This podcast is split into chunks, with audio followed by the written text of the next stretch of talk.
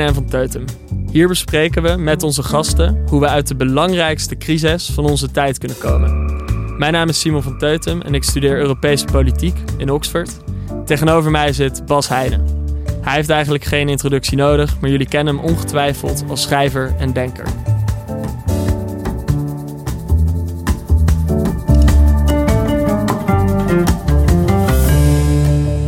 Bas, weet jij nog hoe wij uh, op dit idee kwamen? Nou, dat was heel lang aan het idee van een podcast. Uh, maar er zijn natuurlijk heel veel podcasts. Maar ik denk dat we, toen we eenmaal ontdekten dat we eigenlijk uh, graag antwoorden zoeken op onze vragen over kwesties die steeds in allerlei gedaantes opkomen. In de pers, in de media, uh, incidenten, schandalen, dingen die veel emoties losmaken. Of dingen die steeds politiek op de agenda worden gezet, maar er eigenlijk nooit echt doorgevraagd wordt van wat zijn nou eigenlijk de structuren daaronder. En dan vooral ook in beschouwelijke zin van hoe, hoe kijken we daarna? Wat zou een oplossing kunnen zijn? Welke houding kunnen we aannemen? En toen waren we er eigenlijk vrij snel uit. Dus we hebben een aantal onderwerpen geselecteerd waar we dieper op door willen vragen. Eigenlijk, dat is meer ambitie hebben we eigenlijk niet. En uh, oplossingen, ja, mij wordt vaak verweten dat ik geen oplossingen heb. En daar heb ik inmiddels een heel goed antwoord voor gevonden. Ik zeg, oplossing is nooit een A4'tje met vijf, zes punten. Oplossing begint altijd met anders kijken, met bewustzijnsverandering. En um, nou, dat geldt denk ik, die ambitie hebben wij in deze podcast. En we hopen uh, de luisteraar ook. Ja, en het hangijzer waar we vandaag bewustzijn voor gaan zoeken is het, de crisis van het vertrouwen. Uh, waarbij de hoofdvraag is, hoe moeten we met complotdenkers omgaan? De gast is Kees Zwijstra, auteur van het boek Waarheidszoekers, dat wij met veel interesse hebben gelezen. Kees, welkom. Dankjewel. Waar komt jouw uh, fascinatie met dit onderwerp eigenlijk vandaan?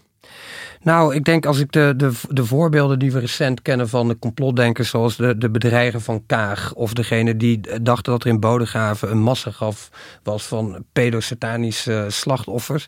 Dus dat zijn, zeg maar, dat, dat complotdenken, dat is enorm naar buiten gekomen. En mij fascineerde dat omdat ik dacht, ja, dit komt niet uit het niks. Dit, dit is niet een soort van uh, vreemd fenomeen als het ware. Nee, dit, dit is een, een soort van logisch uitvloeisel van de samenleving zoals we die nu mede door technologie hebben gemaakt.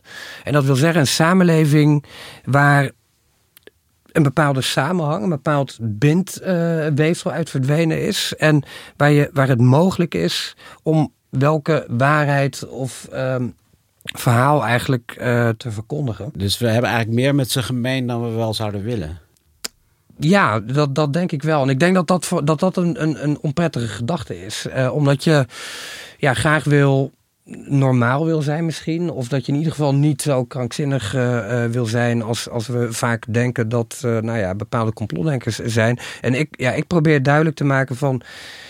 Ja, het is helaas misschien, maar het, ze zijn meer een soort van exponent, een soort van doorontwikkeling, een soort van extreme variant van een ontwikkeling waar we allemaal in staan. En die, die ontwikkeling, ja, ik, ik noem dat in mijn boek thuisloosheid. Mm -hmm. uh, dus, dus het op jezelf teruggeworpen zijn, het niet onderdeel zijn van sociale netwerken, het niet onderdeel zijn van relaties met iets anders dan jezelf eigenlijk. Dus je bent ook naar verschillende bijeenkomsten geweest en je beschrijft er eentje. Was dat ook het, het soort mensen wat je aantrof? Leken die op elkaar of waren ze heel verschillend? De mensen die ik bij de, de verschillende bijeenkomsten waar ik geweest ben aantrof, dat daar zat van alles, denk ik. En dat, dat vond ik ook wel, wel interessant. Dus het is niet zo van, ja, het zijn typisch rechtse mensen of het zijn typisch linkse mensen. Of wie zei, ik denk dat dat niet klopt. Wat ik vooral eigenlijk zag is dat de mensen zijn die ontdekt hebben hoe zij online technologie, hoe zij Facebook, hoe zij Twitter, hoe zij YouTube kunnen inzetten ja, om in een verhaal te gaan geloven of een verhaal uit te dragen. Wat ze helemaal zelf kunnen onderschrijven, waar, waar, waar ze van kunnen zeggen, ja, dit heb ik zelf gevonden, dit heb ik zelf uh, uh, ja, eigenlijk ontfutseld als het ja. ware. En, en die en, komen dus ook uit hele verschillende kampen? Die komen uit totaal verschillende kampen, maar die vinden elkaar in, ja, als het ware, gemeenschappelijke afwijzing van de werkelijkheid waarin we staan. Ik denk dat dat, dat, dat ze op de een of andere manier bindt. Hè? Dus dat ze eigenlijk ontdekt hebben van oké, okay, ik, ik kan de technologie van nu, ik kan Facebook, kan Twitter, kan ik inzetten om de confrontatie met de werkelijkheid niet te hoeven aan te gaan. Ja, en wa wanneer is iemand dan eigenlijk een, uh, een complotdenker? Ja, dus kijk, ik in, in mijn boek um, vertrek eigenlijk van twee ideeën. Dus je hebt een soort van de, de klassieke complotdenkers, zeg maar de, de 9-11 uh, puzzelaars, de, de truthers geheten. En uh, het, het, het idee is dat die, die klassieke complotdenkers, zoals, zoals ik ze noem, dat die rond een historische gebeurtenis, rond 9-11, op zoek gaan naar een alternatieve verklaring. En daar gebruiken ze, zeggen zij althans, uh, feiten voor, puzzelstukjes die uit officiële rapporten zijn weggelaten. En zij zeggen, ja, deze errant facts, ja, als je die zou uh, wel zou zien, als je die wel zou begrijpen, ja, dan kom je tot een, ja, een alternatieve uh, verklaring van deze gebeurtenis. En nou, dat zijn een beetje de, de, de, de klassieke complotdenkers en de, de hedendaagse complotdenker. Dus de, de QAnon-complotdenker of de complotdenker die denkt dat er in Bodegraven een, een massagraf ligt uh, van, van pedo-slachtoffers van pedosatanische netwerken. Dus eigenlijk een beetje de complotdenkers die we zo met Trump uh, enorm naar buiten hebben zien komen. Ja, die zijn niet zozeer bezig met een, een reconstructie van een historische gebeurtenis. Ja, ik zou zeggen dat zij bezig zijn als wij met de constructie, met de, het, het scheppen, het bouwen van een complete fictie.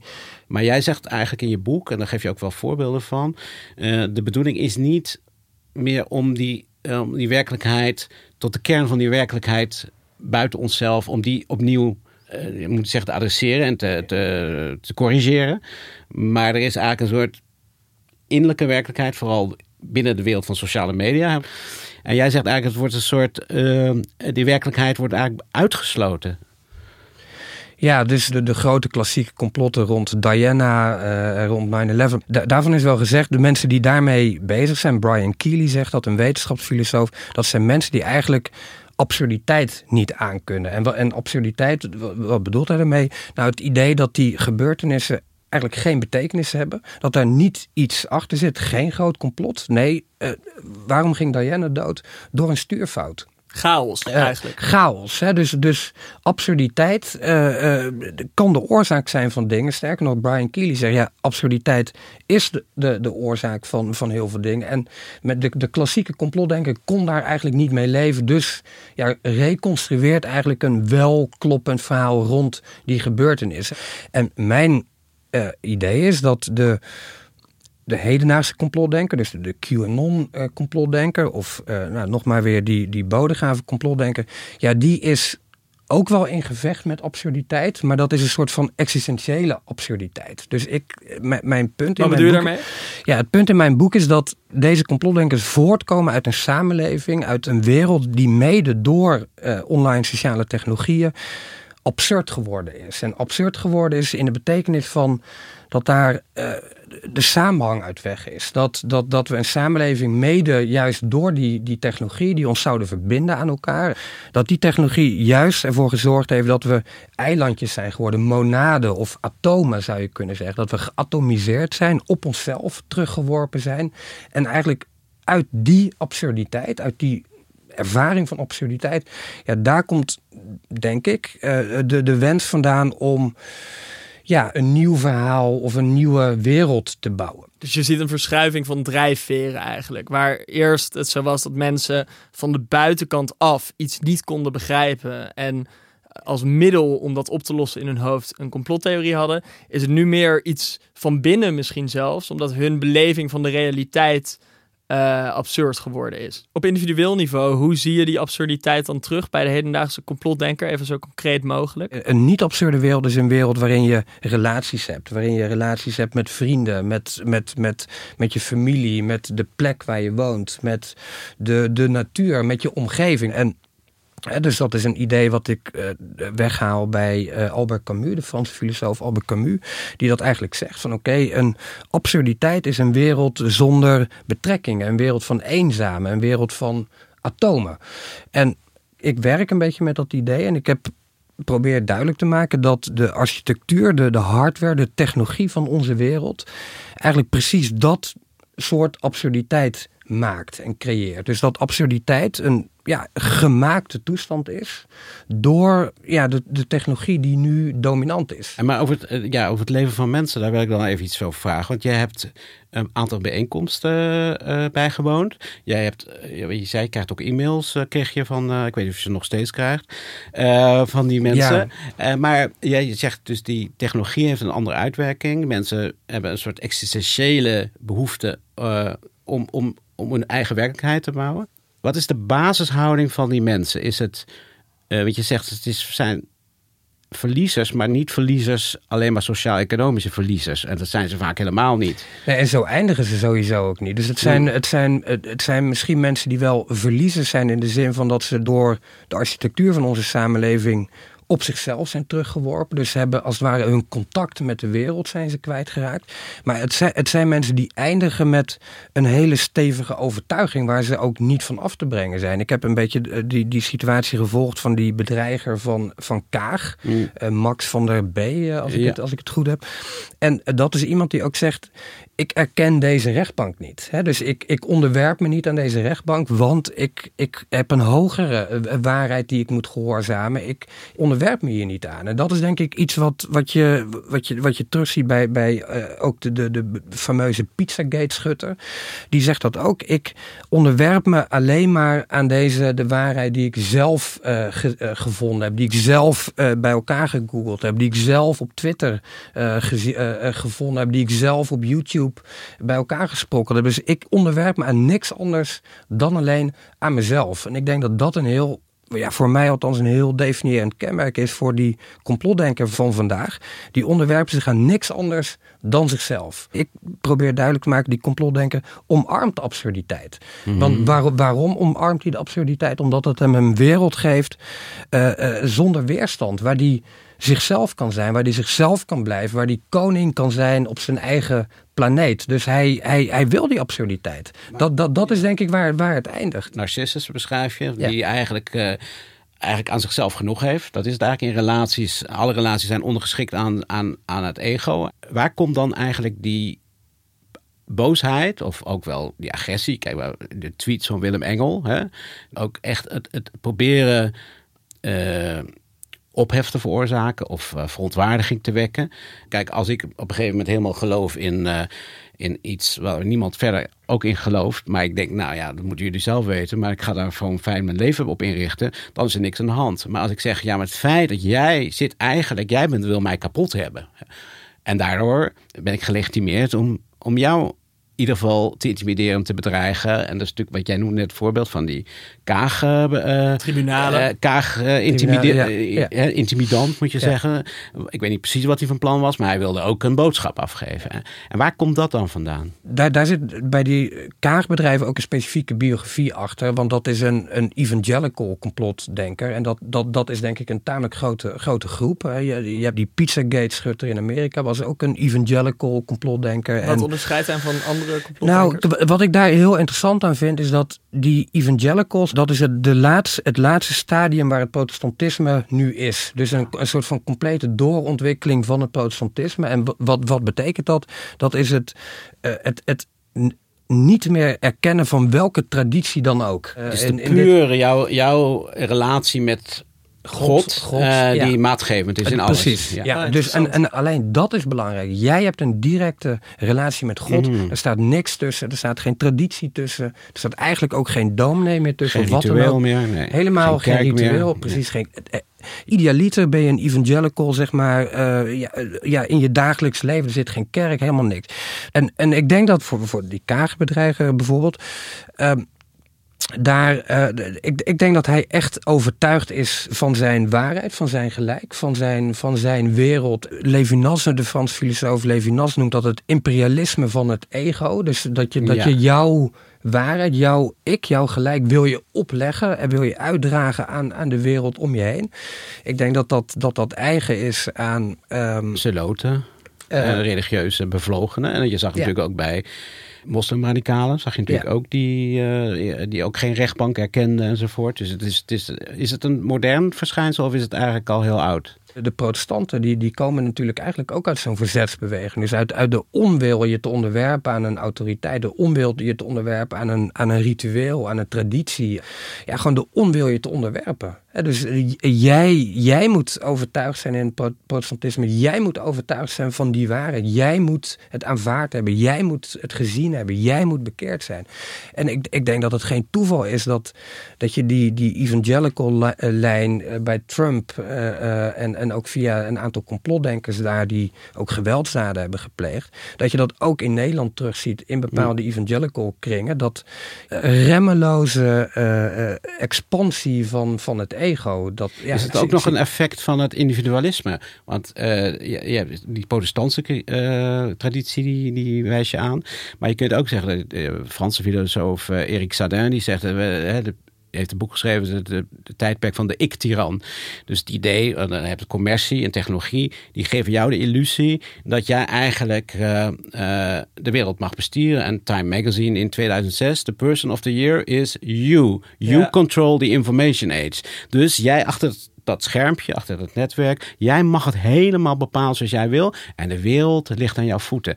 En als dat dan niet zo is, dan frustreert dat natuurlijk enorm. Als er allerlei mensen zijn die jouw uh, spaak in jouw wiel steken of die jou hinderen in het uitleven van jouw almacht, zeg maar, of jouw aangeprate almacht, want het is natuurlijk een soort vorm van commercieel bedrog bijna, kun je zeggen. Dan roept dat natuurlijk ook agressie op. Speelt dat ook een rol volgens jou? Ja, dus dat, ook in de filosofie is dat een, een, een klassieke uh, discussie van oké, zit, je, zit je nog in het humanisme van, van de verlichting? Dus in het mhm. idee van de individuele mens moet uh, mondig gemaakt worden, moet bevrijd worden, moet geëmancipeerd worden? Of zit je in het kamp dat eigenlijk zegt, nou misschien is die individuele mens, is dat ego, dat ik, dat, dat autonome wezen, misschien is dat eigenlijk wel een heel groot probleem. Ja. Misschien als het te ver doorschiet. Als het dat te ver doorschiet. En, en moet, moet je eigenlijk niet naar een soort mensbeeld toe, een mens mensvisie toe die eigenlijk zegt: nee, de mens is niet een autonoom wezen, maar ja, heteronoom wezen. Oftewel, je staat in relatie met anderen. Sommige radicalen daarin die zeggen: nee, jij bent zelfs ondergeschikt aan de ander. Levinas is zo iemand die dat zou zeggen.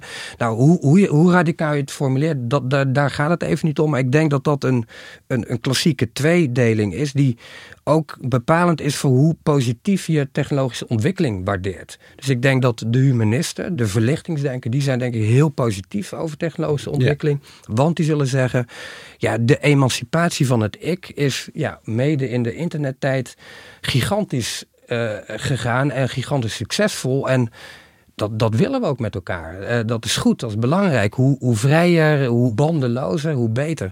En anderen zullen zeggen: ja, maar jullie mensbeeld is te mager. De mens is niet alleen maar een autonoom wezen. Is dat jouw positie? Dat, dat, dat, is duidelijk mijn positie. Dat, dat, uh... En wat betreft die evangelicals vind ik het ook wel interessant. Um, in het kader van wat we eerder zeiden. Zou jij zeggen dat doordat dus de verbindingen in de mens zijn omgeving zwakker zijn geworden, waar we het eerder over hadden, ook mede door die technologie, dat daardoor de verbinding met zichzelf, of misschien de verbinding met God, dan in specifiek het uh, evangelische geval, sterker is geworden.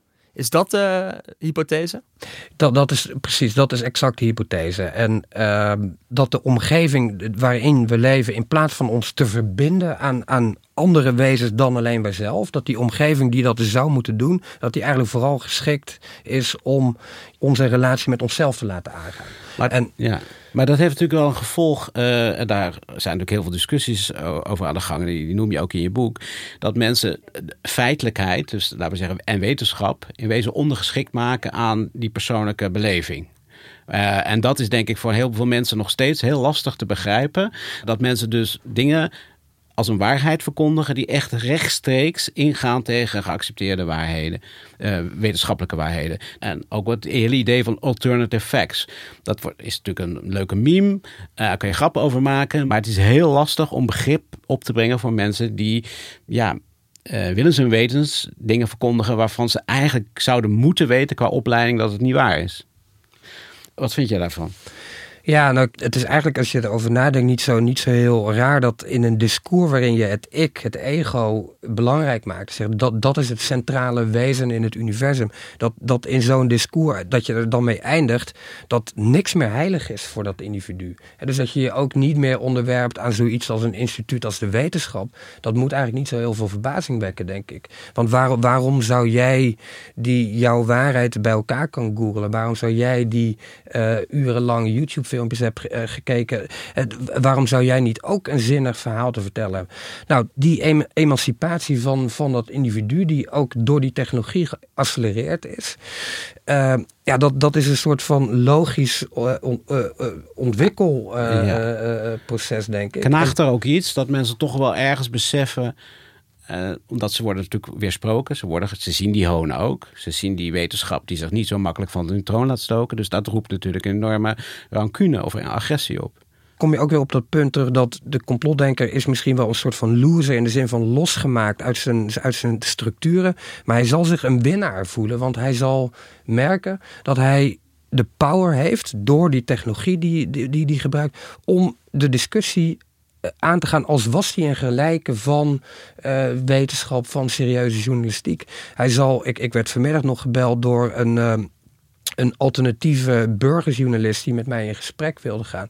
En ik, ik, denk dat dat sans ironie is. Ik denk dat hij echt denkt dat hij een journalist is. Die zich kan meten met ja, journalisten die in, opereren in instituten, die daar ook enige opleiding voor hebben gehad en zo.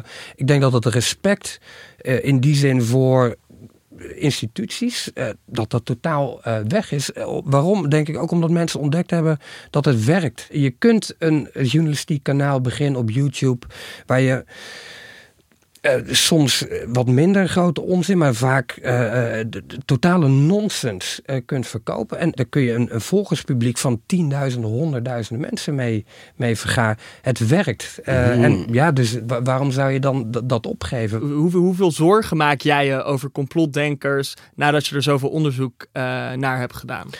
Ja, ik denk dat, dat dat is een van de meest prangende vragen, denk ik. Van waarom is het eigenlijk een probleem dat mensen denken dat de aarde plat is? Of waarom is het een probleem dat mensen de moonlanding... Uh, of wanneer wordt het een probleem? Ja, ja en dat is, dat is lastig. De, bepaalde filosofen die vinden het erg lastig dat mensen onwaarheden aanhangen. Omdat ze zeggen, het is lastig dat iemand een wetenschappelijke waarheid claimt te hebben. Een wetenschappelijke waarheid bijvoorbeeld over de uh, gefakte moonlanding. Of een wetenschappelijke waarheid over 9-11. En zij vinden het lastig dat iemand claimt die wetenschappelijke waarheid te hebben. Zonder dat hij een wetenschapper is. Dus hmm. wat zij zeggen, uh, wat hier op het spel staat bij dat complotdenken... is de waardigheid van de wetenschap. We moeten mensen die claimen wetenschappelijke dingen te zeggen... maar dat niet doen, die moeten we zorgen dat, die, dat we die weg eruit filteren dat gold echt vooral voor dat klassieke complotdenken. Voor dat nieuwe complotdenken van mensen die, die, die QAnon geloven... of die zeggen dat de verkiezingen gestolen zijn... of die whatever fictie uh, de wereld in het leven roept... Die, die kun je eigenlijk niet tegenwerpen dat ze onwetenschappelijk zijn. Want ze, ze hebben niet eens het begin van de pretentie dat ze onwetenschappelijk zijn. Daar moet je met een ander verhaal komen over waarom, waarom is dit nu eigenlijk een probleem. En ik denk dat heel veel van die complotten zijn ook niet echt een probleem, denk ik.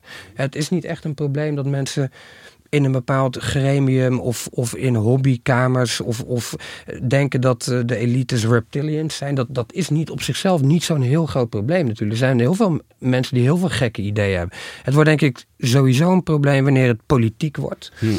Dus wanneer je eh, met dit idee de politiek ingaat en dan jouw narratief gebruikt om te zeggen van oké, okay, ik, ik ben niet op de inhoud het met je oneens, maar ik ben het met je oneens omdat je een reptilian bent.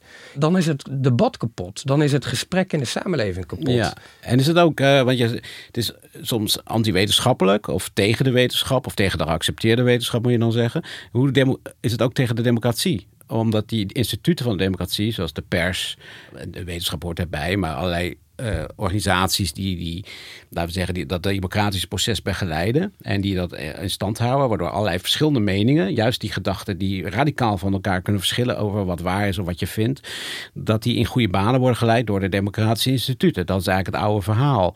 Als je op een gegeven moment zegt van ja, maar die instituten zijn eigenlijk onderdeel van de samenzwering tegen mij, uh, dan moeten die instituten kapot. En dat zie je bij Vorm voor Democratie natuurlijk, hè, tribunalen. Het is geen regulier democratisch proces, zullen we zeggen.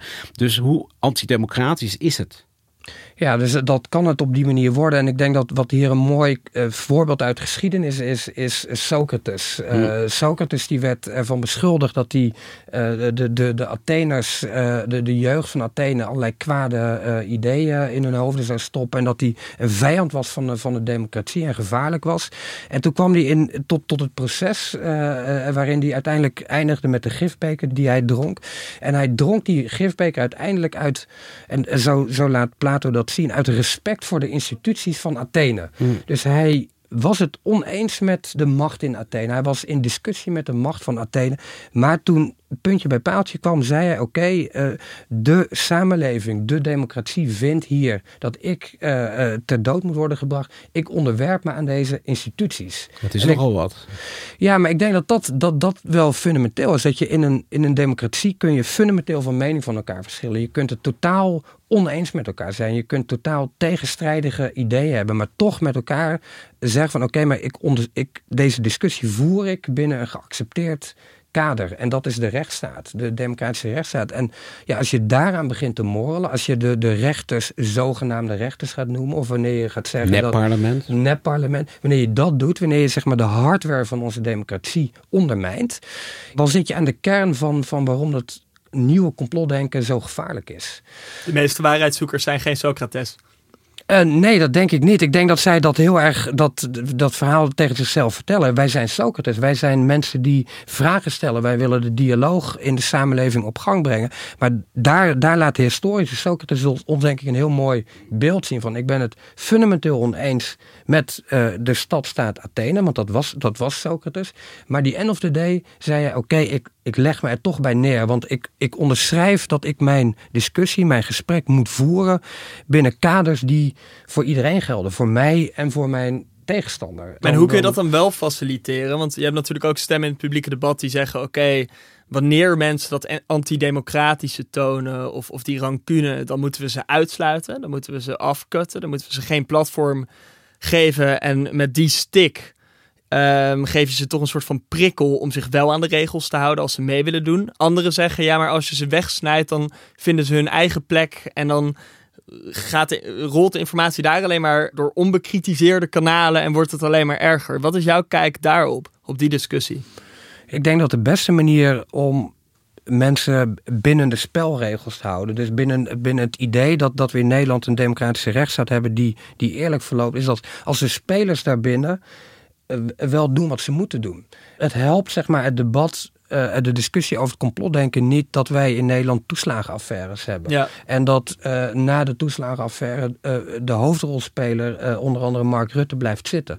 Dat helpt natuurlijk niet. Want, want dan, dan, dan zeggen mensen: waarom zou ik me zoals Socrates dat, dat deed onderwerpen aan deze instituties? Want die instituties zijn verrot. Dan geven ze echt de munitie eigenlijk. Ja, natuurlijk. natuurlijk. Daar moeten we als samenleving enorm scherp op zijn. Dus dat we als het ware die, die backbone van onze democratie wel zuiver en intact houden. Zodat de spelers daarbinnen uh, ja, bereid zijn om zich daaraan te ja, ja. committeren. Maar een van de, wat ik, ik, vond dat uh, je boek uh, is een ongelooflijk goed boek. Maar een van de interessante, interessantste aspecten ervan is dat je die complotisten niet als een soort us-them uh, uh, beschouwt. Dus uh, wij, zijn, wij zijn de mensen van de redelijkheid, wij zijn de rationele, wij accepteren die regels van de democratie en wij schikken ons in de democratie. wat je net als voorbeeld geeft, Socrates. Wij hebben allemaal te maken met diezelfde processen. Ik noem het maar even vervreemding. Dat je ons direct contact met andere mensen, met de buitenwereld, met het vreemde, zoals jij dat noemt, met dingen die buiten jezelf staan, ook geërodeerd is door technologie, door organisatie van samenleving, individualisme. Uh, dus laten we zeggen, wij zijn eigenlijk allemaal een beetje onderdeel van datzelfde spel. Alleen, eh, jij zegt, sommige mensen die radicaliseren, om het maar even zo te noemen. En anderen niet. Maar die hebben ook nog wel een probleem. en wat is het probleem zoals jij dat ziet? Met de, niet-complotdenkers, mensen zoals uh, Simon en ik? Als ik één woord zou, dan zou ik zeggen mateloosheid. Hm. Dus een, is een bepaalde vorm van mateloosheid. Ik was van de week was ik in, in, in, een, in een supermarkt en toen zag ik uh, paaseitjes liggen. Uh, nou, volgens mij is het drie weken geleden dat het kerst was. En, en nu uh, vieren we blijkbaar alweer. En dat, dat is mateloosheid. En ook met de boodschap erbij voor degenen die niet kunnen wachten. En dat was met rond Sinterklaas ook. En het, zeg maar, het, het, het niet kunnen wachten. Het, het, het zeg maar binnen tien minuten een, een banaan bij je bezorgd willen hebben door gorilla's. Ja. Zo'n bezorg. Zeg maar, dat, dat type mateloosheid, daar, daar zie ik die complotdenken als een soort exponent van. Hmm. En, en, en in die zin ja, denk, denk ik niet dat we een soort van heel prettig achterover moeten leunen en denken van nou, er zijn gekkies zoals Willem Engel en, en Thierry Baudet, maar, maar ik ben gelukkig. Hmm. Eh, we willen allemaal deze mateloosheid. Maar ook onze zin, hè? want het is niet alleen die banaan, maar je wil dus ook dat jouw stem of jouw opvatting, dat die uh, gehoord wordt. Ik, hè? Dat mensen zenden liever dan dat ze ook nog moeten luisteren. Dus die ander van Levinas, ik, ik, uh, die is een soort uh, klapvee geworden. Ja. Ja, dus het publiek, wat zegt Levinas, die ander is dus geen, geen klapvee. Nee, die ander is, jouw is jouw toegangspoort naar buiten. Dus hij zegt eigenlijk zonder die ander, zonder dat jij in staat bent geweest om daar een relatie mee aan te knopen, zonder dat je in staat bent om te luisteren, om, om uit jouw wereld te komen. Ehm, via empathie, dus dan ben je weer bij die, bij die empathische relatie. Uh, ja, blijf jij in jouw eigen wereldje opgesloten zitten. Dus je, je hebt die ander nodig voor, ja, voor toekomst, zegt hij, voor hoop, voor ont, ja, ontsnapping eigenlijk. En wat voor implicaties heeft dat dan voor, uh, stel ik heb een neef of een vriend die in één keer, die ik af zie schuiven naar dat denken toe. Wat zou je in, in je privéleven dan kunnen doen om, om die toegangspoort te zijn of, of te laten zien? Iedereen die, die zo'n neef heeft, die, die zal onderschrijven dat dat, dat, dat vrijwel onmogelijk is. Hè? Dus om met een, met een born-again uh, complotdenker... De, debat, ja. dat is bijna onmogelijk, omdat die die, diegene die heeft totaal zijn waarheid omarmd. Zijn, en bij een borderline geval? Of iets, iemand die er nog niet helemaal... Iemand, ja, uh, ik vind het erg lastig. Uh, waarom? Omdat dit is voor mij iets essentieels. Dus mensen zijn niet zozeer bezig met een wetenschappelijke discussie over van werken vaccins nou niet of wel. Het is een existentieel commitment van oké, ik, ik ga voor deze nieuwe alternatieve waarheid. Ik, ik wil tegen de massa zijn die nu achter die QR-code aanloopt. Ik maak deze essentiële keuze. En het is niet een soort wetenschappelijk debat waarin je met iemand verzuild bent. En dat maakt dat die discussie zo onmogelijk bijna. Hoe zou jij dat aanpakken, Bas? Je schrijft in je boek een paar keer, in het begin vooral, dat je zelf nog een beetje aarzelend bent om heel al te apodictisch te zijn over hoe dat is dit een uh, een structuur in onze samenleving die zo blijft. Hè? Dus als het individualisme en die technologie, ja, daar zijn nu kritische kanttekeningen bij. Gaat dat veranderen? Of gaat het in golven? Je zegt tijdens die pandemie is, die, is dat complotisme veel is dat gegroeid als kool. En dat snap je eigenlijk ook wel als je niet naar de kroeg kan, niet naar voetbal. En je zit de hele dag thuis achter een scherm te kijken. Uh, je bent uitgezoomd. Weet je, dus bedoel, het is ook wel logisch dat mensen in die technologische bubbel nog verder daarin uh, in, verdwijnen. Maar jij zegt, en ik denk een deel daarvan zal ook wel weer verdwijnen als die pandemie uh, beheersbaar wordt. Of in ieder geval zijn beslag krijgt in de samenleving, dat we ermee leren leven. Uh, maar die structuren daaronder zullen niet snel veranderen, uh, denk ik. Als ik zo jouw boek lees en wat ik zelf zo lees. Dus die, dat individualisme wat zoekt naar die verbinding. Hè, want het gaat altijd... ieder oudejaarsconferentie gaat over verbinding en we moeten elkaar weer in de ogen kijken enzovoort. Maar in wezen zie je dat vaak toch niet heel erg veel gevolgen hebben voor de manier waarop we onze maatschappij ordenen. Nee, en ik, ik denk dat we daar ook te, te veel te, te romantisch zijn over technologie in de samenleving. Ik las onlangs het, eh, het WRR-rapport over eh, AI, over artificiële intelligentie. En wat mij enorm opviel in dat, in dat rapport en in de toon van het rapport, is dat eigenlijk een soort van gezegd werd van ja, wij moeten de, de zaak van AI verdedigen tegen alle mensen die hmm. tegen AI zijn. Alsof er, alsof er zeg maar in de samenleving een, een, een heel groot anti-technologisch kamp is. En, en nu gaan wij een lans hiervoor breken.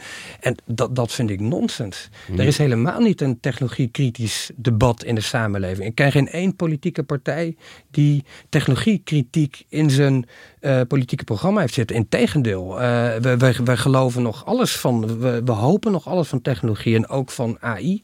Ja, al zijn mensen wel sceptischer geworden over bedrijven als Facebook en zo, toch? Als je kijkt naar het programma van Volt of D66, dan staat er volgens mij ook wel iets in over uh, wat op Europees niveau van die bedrijven gevraagd moet worden. Maar dat is misschien niet zo fundamenteel als wat doen ze met ons? Precies. Is meer, oké, ze moeten ook hun belasting betalen. Exact. Dat dus mis jij. Exact. Dus precies inderdaad dus het, het idee dat, dat technologieën inherent politiek zijn. En politiek zijn in de zin van zij vormen een samenleving. Het zijn niet alleen ideeën die de samenleving vormen. Het zijn ook gewoon de hardware, de structuren van de samenleving. En ik denk dat dat zeg maar heel mager op de agenda staat. En dat zeg maar vanuit de, de, de technologie begeleidingskant, dus vanuit de academie, heel erg het idee is van er is een technologie kritisch kamp. En, en daar, daar wil ik niet in zitten. Want ik wil. Hmm. Ik ben pro vooruitgang. Ik wil uh, een lans breken voor, voor de toekomst. En zo. Ja, je bent snel technofoob. En dan wordt, en dan wordt er vaak. Uh, ik heb dat zelf ook wel aan de hand gehad. Als je dan sceptisch bent of kritisch bent, dat je dan gezegd, ja, maar mensen in de 19e eeuw die maakten zich ook druk over de stoomlocomotief of uh, dachten dat ze hun ingewanden gingen verzakken. Nou, Bij wat voor kritiek heb je dat dan aan de hand gehad? Ja, de aanleiding van een documentaire voor uh, eh, VPRO. Dat ging ook over biotechnologie, waar ook van alles mogelijk is. het idee dat je kritische vragen stelt, en dat is natuurlijk een beetje die ontaarding van die complottheorie, uh, complotisten. En dat vind ik ook het lastige ervan. Wat jij ook wel noemt in je boek, is dat juist door die uit zinnigheid van, laten we zeggen, de reptielen of de Bill Gates die een chip in je hoofd verplaatsen, wordt het eigenlijk steeds moeilijker voor de mensen die echt kritiek hebben. En jij noemt Pieter Omtzigt als een voorbeeld in de kritiek. Hè, dat wordt dan een complotdenker genoemd. Uh, dat zeg je in je boek. Die wordt door iemand weggeschoven als een complotdenker. Terwijl je kan van allerlei kritiek op hem hebben, maar hij is niet iemand die buiten het systeem het hele systeem ongeldig verklaart. Integendeel juist. Maar, en zo geldt het eigenlijk voor alle kritiek. Dat je uh, door die uitzinnigheid uh, van de reptiele breinen en van de complot, de wereldwijde complotten en de illuminatie, wordt het steeds lastiger om een uh, democratisch bestel en de mensen die, uh, die ons besturen, om die echt kritisch te ondervragen. Ja. want die kunnen heel makkelijk zeggen, ja, heb, ja. Het is of de verlichtingspolonaise of het complotdenken. ja, toch dus, dus die krijgen heel makkelijk, kunnen ze echte kritiek opzij schuiven of belachelijk maken of in het kamp van de complotisten duwen. Maar als we het toch over politiek hebben, um, wat zou de overheid kunnen doen om een soort van tegenwicht te bieden aan die individualisering. Als we het nou heel concreet maken, er gaan ook stemmen op um, voor gemeenschappelijk of uh, maatschappelijke dienstplicht of dat soort ideeën. Vind je dat te ver gaan of vind je dat te concreet? Of uh, wat zijn jouw ideeën daarover? Ja, nou, ik, het kan mij eigenlijk niet, niet concreet genoeg uh, gaan. Waarom? Omdat ik denk dat, dat het, het verlies, het verdwijnen van wereld concreet is. Dus het verlies van, um, van, Gemeenschap. van gemeenschappen. Dus het, het, en, en dat is niet abstract, zeg maar. Een dorpsgemeenschap verdwijnt als het geen schooltje meer heeft. Als het geen publiek gemeenschapsgebouw heeft. Bibliotheek. Als er geen schaatsvereniging meer is, geen hengelsportvereniging. Dat, zeg maar, zo'n dorpje verdwijnt niet uh, zomaar, zeg maar. Het is niet een abstract idee. Een dorp is concreet. Dat zit vast aan structuren, aan gebouwen die er wel of niet zijn. En ik denk dus dat de politiek in die zin eh, ja, heel concreet moet worden. En, en, en, en kijken van hoe, als, als wij dus die samenhang, als wij ontmoetingsplaatsen belangrijk vinden, als we vinden dat dat het hart is van de politiek, dan moeten we daarnaar kijken. Moeten we kijken van hoe. Hoe maar dat is dat, dat, dat idee van, uh, laten we zeggen, herstellen, gemeenschapszin, of wat, dat komt af en toe even naar boven drijven. Dat bij Balkende geloof ik voor het laatst. Het idee, liberalisme, zeg ik, heeft geen antwoord op, uh, heeft wel eh, antwoorden op individuele vrijheid, vragen over individuele vrijheid, maar niet vragen over gemeenschap kan het liberalisme eigenlijk slecht beantwoorden. Is daar niet toe uitgerust. Nou, neoliberalisme al helemaal niet. Uh, als, als een, um, een lood aan die stam. Dus zie jij nou echt een wezenlijke kentering? En misschien niet in de politiek, want misschien verwachten we te veel van de politiek. En zeker van, van uh, een premier die al tien jaar zit, uh, hoeven we dat niet te verwachten. Die gaat zichzelf niet heruitvinden. Daarbij begrijpt hij echt niet waar wij het over hebben, denk ik. uh, dus, um, of, of wil het niet begrijpen, dat is misschien nog erger. Um, maar Ehm, zie jij nou ergens in de maatschappij een wezenlijke kentering? Of blijven het een beetje in tijd van streaming zijn er ook nog mensen die vinylplaten draaien? Dus blijft het een soort. Ja, precies. Ja, eh, ja gewoon eh, zo'n eh, marge. Ja, hè, dat iedereen zegt we moeten bij de lokale boekhandel kopen. Maar als je naar de cijfers kijkt, bestellen mensen toch bij Bolcom. Hè, dus blijft het een gebaar of is het, zie je structurele veranderingen? Ja, kijk, als ik er heel optimistisch naar kijk, en, en dan haal ik Levi Nasser weer bij, die zegt eigenlijk van ja, als, als alles misgaat in de samenleving, dan, dan, dan moet je het eigenlijk van de, de kleine goedheid, le petit bonté, eh, hebben. En, en dan is eh, zeg maar iemand die vinyl draait in een wereld van Spotify eigenlijk een soort kleine goedheid, zou je kunnen zeggen. Maar dat is denk ik ook een heel utopisch idee en zo bedoelde hij dat ook. Eh, en, en in, in die zin ook wel kwetsbaar. Ik, ik zou toch wel graag zien dat we ook in het debat, in de politiek, dit probleem beter en scherper agenderen. Het probleem van het individualisme, zoals je, zoals Ja. je dat noemt. Dus het, het idee dat, dat, dat menselijke individuele vrijheid, gewoon het hele klassieke eh, idee van de mens is een autonoom individu, daar moet een ander verhaal over verteld worden. Ja. En dat Eh, moet, maar dat moet buiten de politiek ontwikkeld worden eerst, denk ik. Ja, en, en hopelijk dat er dan een soort van. eh, de- de- ja, op de een of andere manier beklijft. Ook in het hart van, van de politiek. Maar ik ben daar wat, wat, wat somber over. Toch hoorde ik ook wel Ja. iets van eh, optimisme erin. En laten we in elk geval hopen dat dit, deze podcast één lichtpuntje is eh daarbinnen. Ja. Kees, dankjewel. Ja. Eh, echt heel leuk dat je er was. En eh, eh, bedankt ook voor je boek. Vond Ja, en eh, een, dank voor de uitnodiging. Geweldig boek, dank je. Ja, Waarheidszoekers, absoluut een aanrader.